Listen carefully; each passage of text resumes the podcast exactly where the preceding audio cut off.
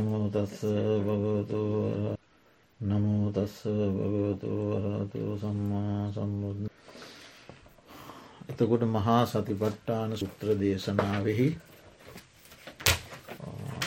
කායානු පස්සනාවටත් කායානු පස්සනා භාවනා පහක් ගැන පහුගිය කාලි සාකච්ඡා එතකොට එහි ඇතුළත් සම්පූර්ණ කර්මස්ථාන ගණන දාහතරයි.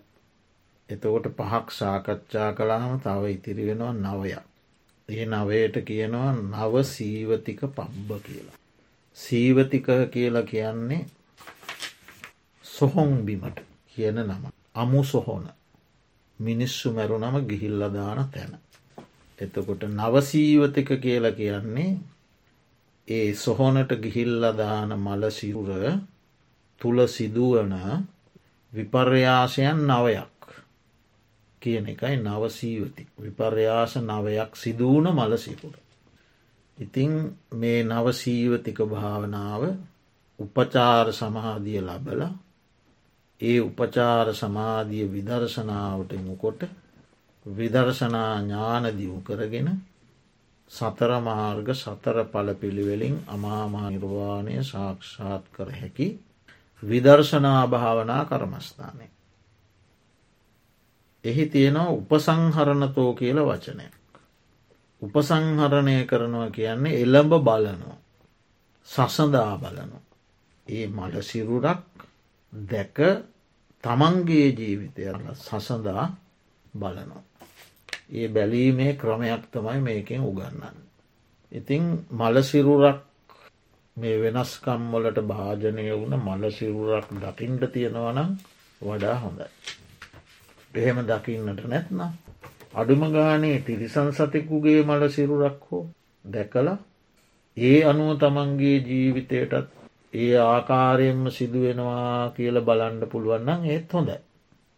එහෙම මලසිරුරත් දකින්නට නැත්නම් ඒ ස්වභාවය හිතට නගාගෙන මිට කලින් දැකපු මලසිරුර ඇති ඒ ස්වභාවයන් හිතට නංවාගෙන බලන්ඩ ඕනේ. එහෙමනම් සීලයක පිහිටලා අපි කලින් ඉගෙන ගත්ත පූරුවක් කෘත්‍යයාදී සිදු කරලා ඉදිරිපිට මලසිරුරද්දක් නැත්තම් අපහසුනං අරමුණු කරගෙන හෝ සත්ව මලසිරුරක් දැකීමෙන් හෝ මේ භාවනාව කරන්නට හොඳයි කරන්න පුළුවන්. එතනදී විශේෂයෙන් කල්පනාකාරී විය යුතුයි කරුණු තුනක් පිළිබඳ. සතුට සෝකය සහ බය. ඒ කියන්නේ. තමන්ගේ හතුරෙක් තමන් ප්‍රිය නොකරන කෙනෙක්ගේ මල්ල සිරුර දැකීමෙන් සතුට ඇතිවෙන්න පුළුව. තමන් තරහ තමන් ප්‍රිය කරන්න ඇති කෙනෙක් මැරු සතුටක් හිතටෙන්ට. ඒ වගේම තමා වඩා ප්‍රිය කරන කෙනෙකුගේ මල සිරුර දැකීමෙන් සෝකයෙන්ට පුළුවන්. තමා මැරෙනවා කියලා සිතීමෙන් බයෙන්ට පුළුව. හරි එතකොට ප්‍රීතිය සෝකය බයි. ඔය අවස්ථා තුන නොයන ලෙසට සතියයි සංවේගයයි ඥානයයි වැඩෙන විදිහට කරන්නටුව. සතිය කියන්නේ සිහිය නිතර සිහිය පැවැත්වීම. සංවේගය කියන්නේ සසර ජීවිතය පිළිබඳ ඇතිවෙන කලකිදින සොබ නිබ්බිධාවට සමානයි. අමාන්නේ මේක තමයි සංසාරයේ ස්වභාවේ මැරි මැරීපදී යන ස්වභාවය ගැන සංවේග ජනක බව. බයක් නෙවෙයි දුකකුත් නෙවෙයි. කලකිරීමට මිශ්‍ර සංවේගයි සංවේගයක්. ඊලාට ඥාන නුවන. එතවට සිහියයි නුවනයි සංවේගයයි වැඩෙන විදිහට. ප්‍රීතියයි සෝකයයි බයයි එන්නේ නැති විදිහට.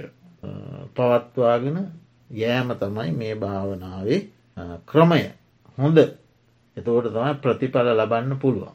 අරන එහෙම නැතුව ප්‍රීතිය සෝකයේ බයාවොත් ඒ භාවනා අරමුණින් ඈතට යන අරමුණින් භාවනා කිරීමෙන් ලැබෙන ප්‍රතිඵල ලබන්න බැරිවෙන. ඒ විදිහට කරන්න ඕන ඒ කරුණු තුන ඇත්වෙන්ඩ ඕන සති සංවේගඥාන උපදින්ට ඕන. ඉතින් මොනවද දැම් මේ නමය දැන් ඒ නවය මේ බලන පොත්තොල තියෙනවා. ඒ නිසා ඒක වචනයක් පාසා සාකච්ඡා නොකළත් දැම් මේ අය මේ තුන් දෙනාටම තියෙනවානි පොත් ඒ පාවිච් ඒ පොත්ත බැලීමෙන් ඒ පොත් අනය කිරීමෙන් තෝරාගන්න පුළුවන්. එනිසා එතනදී තියෙන ගැටලු තියෙනවා නම් ඒව කතා කර. මොනවද පොත් කියවීමෙන් ඇති වුණ ගැටලු තියෙනවා. කොද්දිමුතු නොනක පොත. කාරකය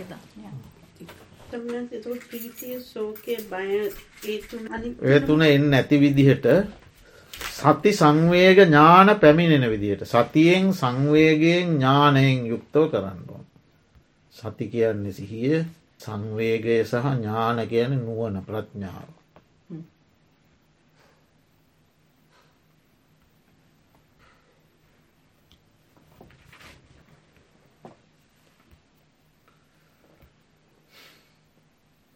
හම්දුන දැ මේ කය බැරුණ කයේ තියෙන රියාසය තම අධ්‍යනය කියන්නේ ඒක ඒ සිදුවීම තමන්ගේ ජීවිතයත් එක්ක සංසන්ධනය කරන.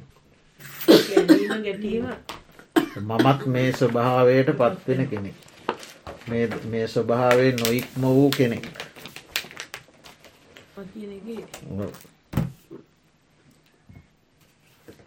මොනවද තියන්නේ ගැටලු. සතුටයි දුකහින්දන්න. ඔව තමාගේ මරණය පිළිබඳව බියක්. ඉතින් හාමුදුරන ඒ බිය තියෙනවමනේ. ඔව් ඒ බිය නැති කරගණ්ඩ තමයි අර සති සංවේග ඥාන උපකාරය. සිහියයි සංවේගයයි නුවනයි.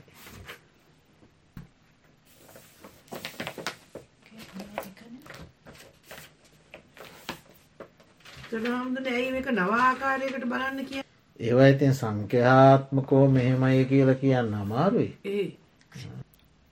ඒ කාලේ සොහොම්බින් වලට මිනී ගිහිල්ල දාන්නේ ඒ ගිහින් දම්මම සිදුවෙන විපර්යාසයන් කොටසක් මේ ඇරන්තියෙන්නේ. බුදුරජාණන් වහන්සේහෙමයි මේක මේ නමයමයි ඊට වැඩිය වෙන්නේ නැතය ඒ නමයට අඩුවෙන් ගණ්ඩ එපාය එහෙම නීතියක් නෑ.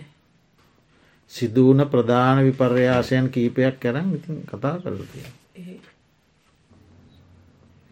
නැ ග්‍රන්ථය කියවීමෙන් ඇතිවන ප්‍රශ්න තියෙනවදෙනවා.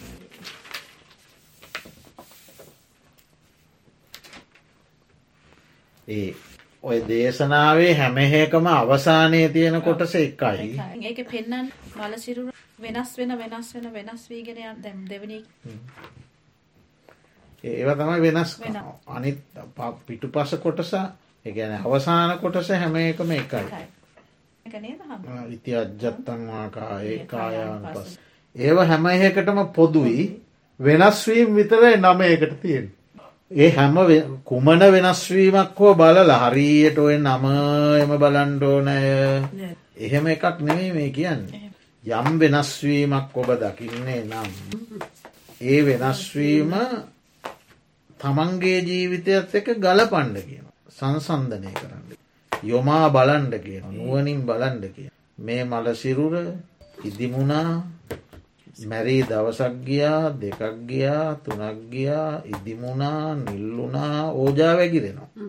මමත් මේ ස්වභාවේ නොයික්ම වූ කෙනෙක්. මේ ධර්මතාවයට පත්වෙන කෙනෙක්. කියන එක එයයි තමනුයි සංසන්ධනය කළ බලන. එහෙම. එහෙම බලලා ඊට පස්සේ අර හැම කර්මස්ථානයකම තිබුණාකාරයට තමන්ගේ කයත් මේ තත්වයට පත් අජ්ජත්තංවාකාය. තමන්ගේ කාය අනුව බලමි. බහිද්ධාවාකාය එහෙම නැත්තං අනුන්ගේ කාය හෝ අනුව බලමි. අජ්ජත්ත බහිද්ධාවාකායේ තමන්ගේ සහ අනුන්ගේ දෙදෙනගේම වරින් වර වරක් තමන්ගේ වරක් අනුන්ගේ එහෙම බලමි වාසය කරන.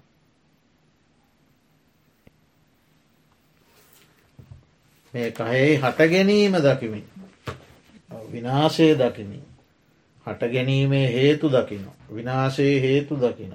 දකිමින් වාසයක වරක් හට ගැනීමද වරක් විනාශයද දකිමින්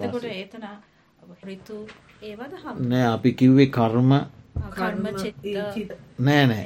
අවිද්‍යාව තෘෂ්ණාව කර්මය වර්තමාන ජීවිතය ආහාර අවිද්‍යා තෘෂ්ණා කර්මසා ආහාර මත පවතින කය.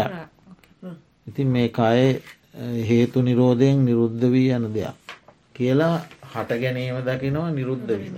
ඒ ඒ ලොකුවට දකින්න බැරිවුනත් මේකයි හටගන්නද මේකයි නිරුද්ධ වී යන දෙයක්. සදාකාලික පවතින දෙයන්න මේ මට සිරුරත් මේ සදාකාලිකෝ පවතින දෙයන්න ජීවත් වනා මැරුණ. මේ අයත් එහෙමයි. කියලා සමුදේ වය දකි සමුදේ වය දෙකමත් දකින. ඊට පස්සේ අත්තිකායෝතිවා පනස්ස සති පච්චු පට්ටිතු එසේ බලමින් වාසය කරනකොට ඉපදී නැසී යන කයක් තියෙනවා කියන නුවනෙනවා සිහිය පිහිටුවන. ඔයිට ඉස්සල්ලා. ඉපදී නැසී යන කයක් පවතිනවා කියන කයක් මේ තියෙන්නේ කියන සිහිය පිහිට. ඒ සිහිය පිහිටනකොට ඊට පස්සේ මතුමත්තෙහි ඥානය සහ මතුමත්තෙහි සති දියුණුවීම පිණිසේ පවතිනවා. යාවදේව ඥානමත්තාය පතිශ්සති මත්තා. මතුමතුවටත් ඥානය සහ සිහිය වැඩීම පිණිස ඒ මේ උපන්න සිහිය දැ ඉස්සල්ලා සිහිය උපදින කොහොමද උපදින්නේ හටගෙන විනාශවී යන කයක් තිබෙන. ඉදිමේ නිල්වී ඕජා වැගිරෙන ස්වභාවයෙන් යුක්ත සිරුව තියනවා මෙමත් භාවිච්චික පරිහරණය කර. එතකොට එහෙම සිහිය පිහිට. ඒ සිහිය මතුමත්තේ නුවන වැඩීම පිණිසත් සිහිය වැඩීම පිණිසත් හේතු. අනිශ්චිතෝච විහරති නැචකින්චි ලෝකයප ඒ නිසා එයා තන්හා දෘෂ්ටි නිශ්‍රය කරන්නේ. අපි තන්නාවෙන් දිට්ටියෙන් අල්ලගෙනඉන්න මේ කය එයා අල්ලන්න මේක තන්නාවෙන් දිට්ටියෙන් අල්ලන්න දෙයන්නේ කුණු වෙලා ඉදිමිලා හෝජා වැගිරෙන කන්න මොනවටද මේක අල්ලන්ගන්න දන්නා දිට්ටුව. නිශ්‍රය කරන්න අනිශ්චිත කියන්නේ එකයි. නිශ්සිත කරන්නේ නිශ්‍රය කරන්නේ. තන්හා දිට්ටිවලින් ඇසුරු කරන්න එකයි. එතකොට උපාදා මම මගේ මගේ ආත්මය කියන ගැන්මෙන් නිදිල යන. උපාදානයන්ගේ මිදෙනවා. මේකත් එක කායානු පස්සන භාවනාවක්යයි කියමි. එතෝට ඔය එකක් එකක් පාසාම වෙන වෙනම කමටහනක්න කමටහන් නවයක් ඔය තියෙන. හරි එකක් එකක් පාසාම ඔය කරුණු ටික තියෙනවාන. ඒ ඉදිමී නිල්වී යෝජා වැගිරෙන එකේ අවසානයටත් තියෙනවා ඉති අජ්ජත්තංවාකායේ බහිද්ධාවාකා. ඊළඟ දෙවනි පියවරේ පටන්ගනත් ඒ පියවර විස්තර කරලා අයත් තියෙනවා ඇති අජ්ජත්තන්වා. එතකොට පේනවනේ නවයකට යන්න එත කොතනින් පටන් ගන්නත් පුළුවන් හරිද. ඒඇන්නේ කෑලි කෑලිවලට කැඩිලා විසිරිලා මලකුණක් අපි දකිනවා මේ අපිගේම සොහොම් පිට්ටනයක් ගිල වලක්කාරනවා. වලක්කාරනකොට අපි දකින සුණු බවට පත්වන පුංචි පුංචි කෑලිවලට පත්වන බෞරුදු ගාන පුරාණ වූ මලසිරුරක කොටස්. නුවන තියෙනවන ඒත් ඇති. එයාට එතනින් පටන්ගන්නත් පුළුවන්. මේ අර ඉදිමෙන එකක්ම හොය හොයයින්ට ඔන්න ඒ ඒ ඔයකින් කියන්නේ කව නව තැන් නවයේදීම පටන් ගන්න පුළුව අර මේ මුල ඉඳල යන්ට ඕන්න හරිද? අර සොහොම් පිටිය නුවන තියෙනවන සොහොම් පිටියේ වලක් කපන එකත් ඇති. එතනින් එලියට ගන්න ඇටකෑක එල්ලකමුත් පුළුව මෙහෙමත් පුළුව ඒකන හැම තැනදීම නැත්තන් නමයම එකතු කරලා කියන්න පැයිති අජ්ජත්තංවාකා ඒකායානු පස්සී විහ එහෙම නෙම මේ හැම දේශනාවක් අවසානයට තියෙනවා නිසා ඕන තැනකින් පටන් ගන්න පුළුව. පටන්ගන දිගට කරගෙන යන්න පුළුවන්. එතකොට මෙච්චර ඇට සැකිලි දැකලත් ඇයි එහෙම වෙන්න ඇත්තේ. හැට සැකලි දකින්න නෑන ස්වාමින් වහන්සේ. දැ එක්කො බලලනවා. සාමාන්‍යනිකන් පුච්චන දහසක් තිබුණත් අවබෝධයක් එනතද අවිද්‍යාව තමයි. ඒම එන්න ඇත්තේ අපිට අපි දැන් අපි සහකච්ඡා කරනවා බණපොත් බලනවා භාවනාත් කරනවා. අපිට තවම නොෙන්නේ අපි තුළ එක හරියට වැඩිල නෑ කියන්නේ සත්තිස් බෝධිපාක්ෂික ධර්ම වැඩෙන්ඩ ඕන්නේ නිවන් අවබෝධයට සත්තිස් බෝධිපාක්ෂ ඒක කවුරුත් ප්‍රතික්ෂේප කරන්න ෑන. බෝධිපාක්ෂික ධර්ම කියන තොට බෝධිපාක්ෂික ධර්ම වැඩෙන්ඩෝ බෝධිපාක්ෂික ධර්ම වැඩෙන්ඩෝ නෑ කියන එකත් මේ තිස් හතවෙන් කරගෙන එක එක එක ඒක වඩන ක්‍රම යන්නවේනි මම අදකායානු පස්සනාව වඩනවා හෙට වේදනානු පස්සනාව අනින්ද චිත්තානු පස්සනාව වඩනවා ඊළඟ දවශ දම්මානු පස්සනාව වඩනවා එහෙම දෙයකුත්නවෙනි මේ එකක් වැඩීම තුළින් එකක් වැඩීම තුළින් තිස් හතට යන්න පුළුවන් ඔබ කැමති කායානු පස්සනාව නම් කායානු පස්සනාව මෙතන මෙහ සූත්‍ර දේශනාවේ තියෙනවා කායානු පස්සනා භාවන දාහතරක් ඒ දාහතරම ඔබට වඩන්න බෑන ඔබට ඒ දාහතරෙන් එකක් තෝරගත හැකි. ඒ දහතර එකක් තෝරගන්න. ඒක වඩනවා. අපි තේරුම් ගණ්ඩෝන ඒ එක වැඩීම තුළින් මේ ඔක්කෝටම යන්න පුළුවන්. ඒ එක වැඩීමෙන් තිස් හතටම යන්න පුළුවන්. එහෙම නැතුව මේ තිස් සතවෙන් කරලා වර්ග කරගෙන එක එක දවසට එක ඒක වඩන එහෙම නෙමේ. එතකොට ඒ එකවත් අපි තුළ තාම හරියට වැඩිල නෑ කියන එකයි මේකින් කියන්න. අපි මේ කොච්චර කසාකච්ඡා කළත් කර කලා ඒ තෝරාගන්නා එක හෝ හරියට අපි තුළ වැඩෙනවනං ඒ එක තුළින් අපේ කායානු පස්සනාවත් වැඩ. වේදනානු පස්සනාවත්. චිත්තානු පස්සනාවත්. දම්මානු පස්සනාවත්. සතර සම්යක් ප්‍රදන් වීරියත් වැඩ. හතර ඉද්ධිපාදත් වැඩෙනවා. පංච ඉන්ද්‍රියත් වැඩෙනවා. පංච බලත් වැඩෙනවා. සප්ත බොජ්ජංගත් ආර්ය අෂ්ටායකුමා ඔන්න ආනාපාන සතිය වැඩීමෙන් ඔක්කොම වඩාගෙන නිවන් යන්නත් පුළුවන්. එහෙම නැත්තං සතර සම්ප්‍රජඥය තුළින් ඉරියාපත තුළින් එම නැත්තම් පටික්කූල මනසිකාරය මොකොත් වන්න පිළිකුල් භාවන පටික්කූල මන දෙතිස්කුණප දෙතිස්කුණපයෙන් කුණප තිස් දෙකත් පැත්තකින් දෙල පහක් ගණ්ඩෝ තිස් දෙකෙන් පහ. ඒ පහහරි හරියට වැඩුවොත් ද අට්ටි අට්ටි අට්ටි කියල රහත්තුනේ ඒ පහනුත් ඒ තිස් දෙකනුත් එකයි නේරන්තියෙන්. එතකොට ඔය බුදුරජාණන් වහන්සේ දේශනා කළේ ධර්මයෙන් එකක් හෝ අරගෙන. ඒක හරියට වැඩුවොත් ඒ ඒ වැඩීම තුළ අනිත් සියල්ල වැඩෙනවා. හරියට සති සමාධි ඥාන වැඩෙන්න ගත්තොත් ඒ තුළ තිස් සතම බෝධිපාක්ෂික ධර්ම තිස් සතත් වැඩිලා සෝවාන්නාදී මඟපල තුළින් නිවන් දකින්න පුළුවන්. ඉතින් ඒ නිසා මේ ඒකින් කියන්නේ අපි තුළ තාම නිර්වාණ අවබෝධයට අවශ්‍ය පරිදි ඒව වැඩිලා වැඩිල නෑ. ඒ ගැන කම්පාගෙන්ට දෙයන්න වඩන්ඩ ඉතියෙන්නේති නේමට වැඩිල නෑ කියලා දුක් වෙලා තේරුමන්න. ඉතින් මේ හැම එහෙකින්ම මේ හැම එහෙකම තියෙන නිවන් රසය. එකම ක්‍රමයකින් නැතුව බුදුරජාණන් වහන්සේ විවිධ විවිධ විවිධ විවිධ ක්‍රම ගෙන හැර දක්කොල. මෙන්න ආනාපාන සතිය තියෙන පුළුවන්න ඒක තෝර. මෙන්න ඉරියාපත මනසිකාරය තියෙන පුළුවන්න ඒක තෝර. මෙන්න චතු සම්පජන්නේ තියෙනවා එක තෝරාග. මෙන්න පටික්කෝල මනසිකාරය තියෙන එක තෝරාගන්න. මෙන්න ධාතු මනසිකාරය තියෙනවා එක තෝරගන්න. මෙන්න නව සීවතිකේ තියෙනවා ඇය සීවතිකේ නමයෙන් හෝ නවයෙන් එකක් හෝ තෝරගන්න. එකක් තෝරාගෙන එකක් කරගෙන යන්න. තම් මෙන්න වේදනානු පස්සනාව තියෙන චිත්තාන බ මෙන්න දම්මානු පස්සන.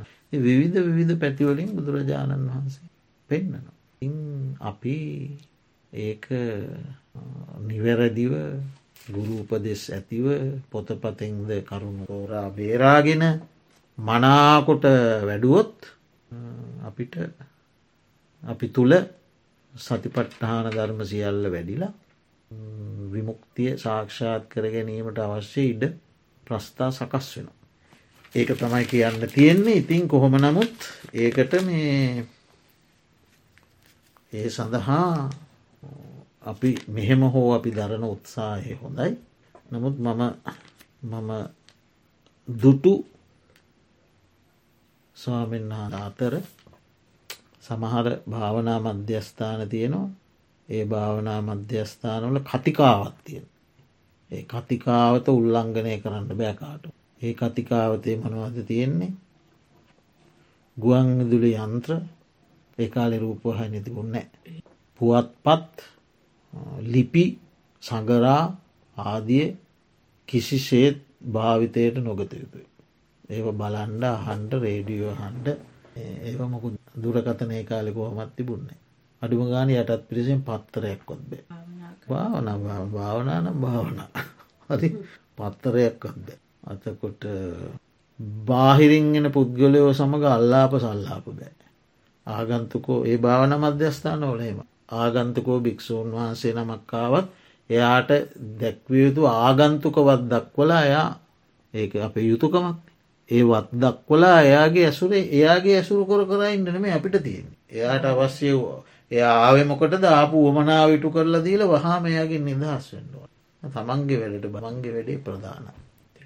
එතකොට බාහිර ගමම්බිමන් ඒවා හැකි තාක් වලක්වාගත ඒව යන්න බෑ.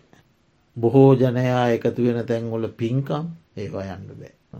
තමන්ගේ හැකියාවම් ප්‍රදර්ශනය කරන්න බෑ. මෙහෙම මෙහෙම කෙනෙක් මෙහෙම හඳුරන ඉති හොම මේ ඔය පිස්සක් ඉන්න අදත් ඉන්න අදත් ඒ වගින් වෙන් වෙලා ඒවයින් වෙන් වෙලා වැඩීම තමයි මේක තියෙන ප්‍රබලම ක්‍රමේ දැයිද අපිට එහෙම කරන්න බෑ අපිට පුළුවන් මට්ට මේ අපි කරමු. මං කියන්න මේ අපි තුළ තාම දියුණු වෙලා නැත්තේ ඇයි කියන ප්‍රශ්නය එතවට ඒවා ඒවා ඒ ක්‍රමයට තමයි පුරුදු පුහුණු කලන්නේ අතීතයේ වැඩ සිටි අපි දැකලා තියෙන අපි ළඟීන් ආශ්‍රය නොකොළත් අපි දැකල තියෙන උතුමෝ ඒව භාවිත කළ එහෙමයි. එකන්නේ උදේ අවදි වුණ වෙලා විදර රාත්‍රී නින්දට යනතුරුම තමන්ගේ පැවැත්ම සකස් වෙලා තියෙන මීට අනුව ඊට අනුවත. දාන්ටික වලදන්නෙත් ඊට උපකාරවන විදියට ආහාර ගන්නෙත් එහෙම. ඒ රටාවට කරගෙන යනකොට මේ තමයි සති සති ප්‍රඥාදිය දියුණු වෙන්නේ. වැටෙන්නේ. ඒම නැතුව මං ඔන්න ගිල්ල දැන් පැයක් භාවනක් ඒ භාවනා කරලා ඉතින් සතිඥාන යමයි පොඩි පොඩි වැටහීම් වෙනවානේ. ඊට පස්සේ ඇවිල්ලා ඒකට ඒකට කිසි සේත්ම ගැලපෙන් නැති වෙන වැඩ ටික කිය දෙනවා. එතකොට අර සතිඥාන ඔක්කොම අඇත්තිවලයි. හරි? ආපහු උන්න ආයෙත් වෙලා හිතෙන හිතන වෙලාට එහෙම බෑ. එක දිග්ගට පවත්වන්න. එතකොට තමයි විවේක නිස්සිත විරාග නිස්සිත නිරෝධ නිස්සිත වොස්සක්ග පරිනාමී කියන තත්ත්වයට මෙම වැඩෙන්නේ. විවේකය ඇසුරු කරමින් හරි සසරින් නිරුද්ධවීමේ අදහසම ඇසුරු කරමින් නොයලීම ඇසුරු කරමින් නිවරණට නැමුණු සිත් ඇතුව මේක වැඩෙන්නේ එතකොට. එතකොට තමයි අර සති ඥාන සමාධි දියුණු වෙන්නේ. එහෙම නැතු ඔන්න ටිකක් කරනවා ඒ දියුණු වෙන සතියාය පිරිහවා ගන්නවා එහෙම කරනකොට ඉතින් දියුණුව අඩුයි. දියුණුව ලොකුවට ඇතිවෙන්නේ. ඇතකොට ඒ විදිහට තමා අතීත උතුමෝ භාවනා කළේ අපි කරලා නැති වුණට අපි අතීත භාවනා කළ උතුමෝ දැකල තියෙනවා. ඒ උතුමෝ කරේ එහෙමයි ගිහිල්ලා කරහමත් බොහෝ පොඩි බොහෝම හිමි වචන කීපය එල ඉතින් එයාගේ සිත්ත සත්තු කරලා එයා පිටත් කරහැල්ල තමන්ගේ වැඩ ටික තමන් කරගන්න. එහෙම තමන් තමන්ට අනිත් බාධාවක් කරගන්නේ. ඉතින් එහෙම තමා. එතකොට තමා අර දිගටම මේෝ වැඩෙන් එහෙම නැත්තම් මොකක්ද වෙන්නේ. තුවාලයක් තියෙනවා. නෑදෑව එකතු කරගෙන යනවා වෙදමහත්තෙක්. වෙදමහත්තය තුවාලට බෙහෙද්දානු. දාල කියනවා මේ ඔබ හිතන් දෙපා ඔබගේ තුවනීපයි කියලා. එනිසා ඔකට අවුසුලං වද්දුවගණ්ඩ එපා. ඇල්දියෙන් තෙමන්ටත් එපා. දූවිලි වදින්ට දෙන්නත් එපා. වී නඩුවාදී නඩුවර්ග ඇවිල්ල වදින්ට දෙන්නත් එපා ගැන මේකට හානි වෙන්ඩ දෙන්න එපා පොඩි පොඩි නඩු ඇදිල එහෙම වෙන්ඩ එපා. වරින්වර තෙල් ගල්වන්ට. තුවාලෙ තාම සනීපනෑ කියලා පිටත් කර අරිනවා. ඒම හෝන මනුස්සේ දැන් තුවාලට බෙහෙත් දාලනි තියෙන්නේ කියලා මේක ආරක්ෂා කරගන්න ඇතුව තෙමෙන්ඩත් අරින. හුලං වදින්ඩත් අරිනවා. ඒ දූවිලි වදින්ඩත් අරිනවා. එතවට බෙහෙද්දාලා බහ බෙහෙද්දාපු තුවාලේ ආපව් එතවට භාවනා කර්මස්ථානයක් ආරම්භ කිරීම බෙහෙද්දමීම වගේ තමයි දැම්ම තුවාලයක් තියෙනවා. සසර සසර නැමති තුවාලිට දැන්කොන්න බෙහෙද්දානවා. දාලාපව් තෙමනවා. දාලාපහු දූවිලි වද්දගන්න. දාලාපව් අවුසුලගින් විනාස වෙන්ඩ දෙනවා වගේනේ. එතකොට මේ හොඳයි මං කියන්න මේ අපිට තාම බැරි ඇයි කියන එක. උසස් ප්‍රතිඵල ලබන්ඩ දිගට ඒ දෙෙන්ඩ ඕනේ. සමහර උතුම මේක ජීවිත අවුරුදු හතලේ පනා එදිච්චය අපි දැකලති. අතහැරලනෑ කොච්චර බාධකාව. හාමුදුරන්නේ එහෙම යෙදෙනයට ප්‍රතිඵලයක් තියෙන හින්දරය ප්‍රතිඵලයක් නැත්තන් ඒගොල්ලු ඉදී දෙහෙමනේ. ඒ අය අතරින් සමාරයට ඒ කරගෙන යන්ඩ බැරුව වැටිච්චා ඇත්තින්නවා. සමහරය පිරිහිලා ගියත් ඉන්නවා. සමහරයි මාර්ගය අත්හැල්ලදාපු අයත්තින්න.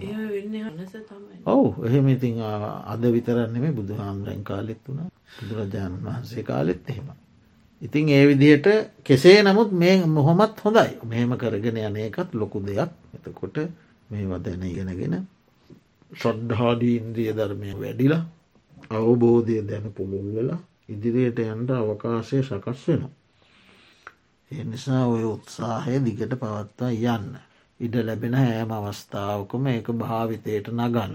ඉතිං බුදුරජාණන් වහන්සේ ගණන් ඉලක්කං වසයෙන් වෙන් කරලා අපිට දැන් මේ සතිපට්ටාන සූත්‍රයේ දත් කායානු පස්සනා සතිපට්ටාන දාතරක් දේශනා කළත් ඒට ඉට අමතරව වෙනස් සූත්‍රවල තියෙන එකකින් හෝ මේ දා හතරෙම්ම කියල නියමයකුත් නෑ මේ දා හතරට අයිති නැති වෙනත් දේශනාවලින් ගණ්ඩ පුළුවන් භාවනා කමටහනක් හෝ ගෙන ඒ දිකට භාවනා කිරීම අරමුණ සති සමාධි ප්‍රඥා දියුණු කිරීම තොට සති සමාධි ප්‍රඥා දියුණුවීමේ කුමන ක්‍රමයකින් හෝ බුද්ධ දේශනාවට අන්තර්ගත් බුද්ධානුස්සති දම්මානුස්සති සංගානුස්ස ඒ ආදී ක්‍රමයකින් හෝ මෛත්‍රය අසුභ මරණ සති. ඒක දැන් උදාහරණයක්ව දැන් උපසංහරණ උතෝ කියල ඔතන වචනයක් තියෙන උපසංහරය ඔය දැන් ඔය තියෙන නවසීවතික එතවට මරණානුස්සතිය තියෙන උපසංහරණතෝ මරණ.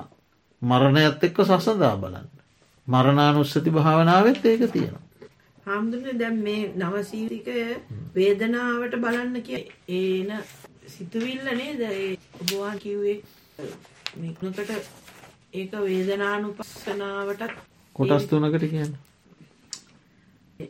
බය දකින එක.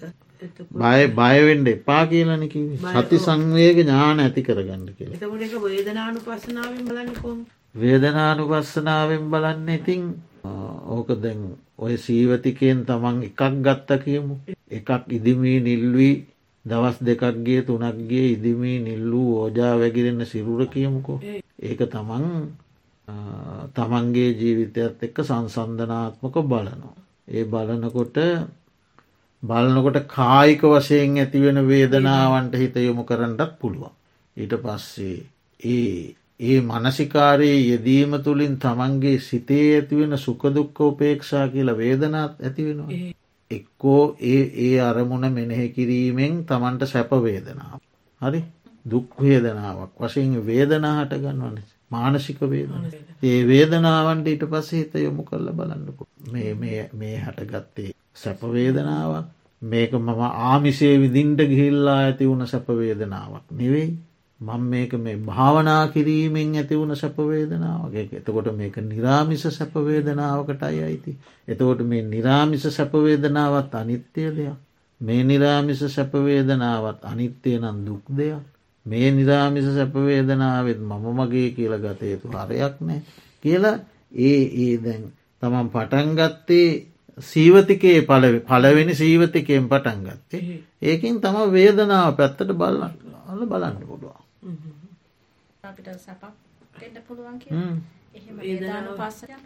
ඔව ඒක මෙහෙමයි. දැන් තරහාවාගේ කෙනෙක් ගැන දකිනකොටම එන්න සැපක් නම් එතන සතිපට්ටානය ඒක හඳුනාගත්තොත් හරි. හඳුනාගත්තොත් හරි. හඳුනාගත්තොත් මේක දුරු කරන්න පුළුවන්. මෙතන මට ආවේ මෙතනදී මට ආවේ තෘස්සුම නෙමේ ප්‍රීතිය. මෙතැන්ද ආවේ ප්‍රීතිය. ඒ ප්‍රීතිය ප්‍රීතිය ආවේ නෑ ඔව. අකමැති කෙනෙක් සමඟ අකමැති කෙනෙක්ගේ මරණය දැකීමෙන ප්‍රීතියාවේ මම කැමති නැති මම ප්‍රිය නොකරන මම දවේශ කරන අප්‍රිය කරන කෙනෙක්ගේ මරණයෙන් තමයි මට ප්‍රීතිය ආව කියලා ඒක සිහියෙන් දැක්කොත් දැකල චිත්තානු පස්සනාව පැත්තට යන්න පුළුවන්. ඒ දකිින්ටති සතිය ඕන. ඒක තමයි මෙතන කියන්නේ.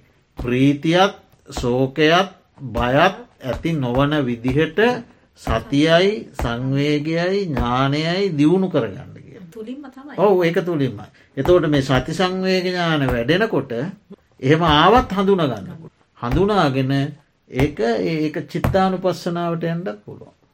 එහෙම ගිය. ඒ මොනවා කරන්නත් මේවා මේක වඩල වඩල වඩල මේ තුළින් ඒ ධර්මතා වටහාගන්න ශක්තිය ධර්මතා දකින්න. එක වඩනකොටන දකින්නේ.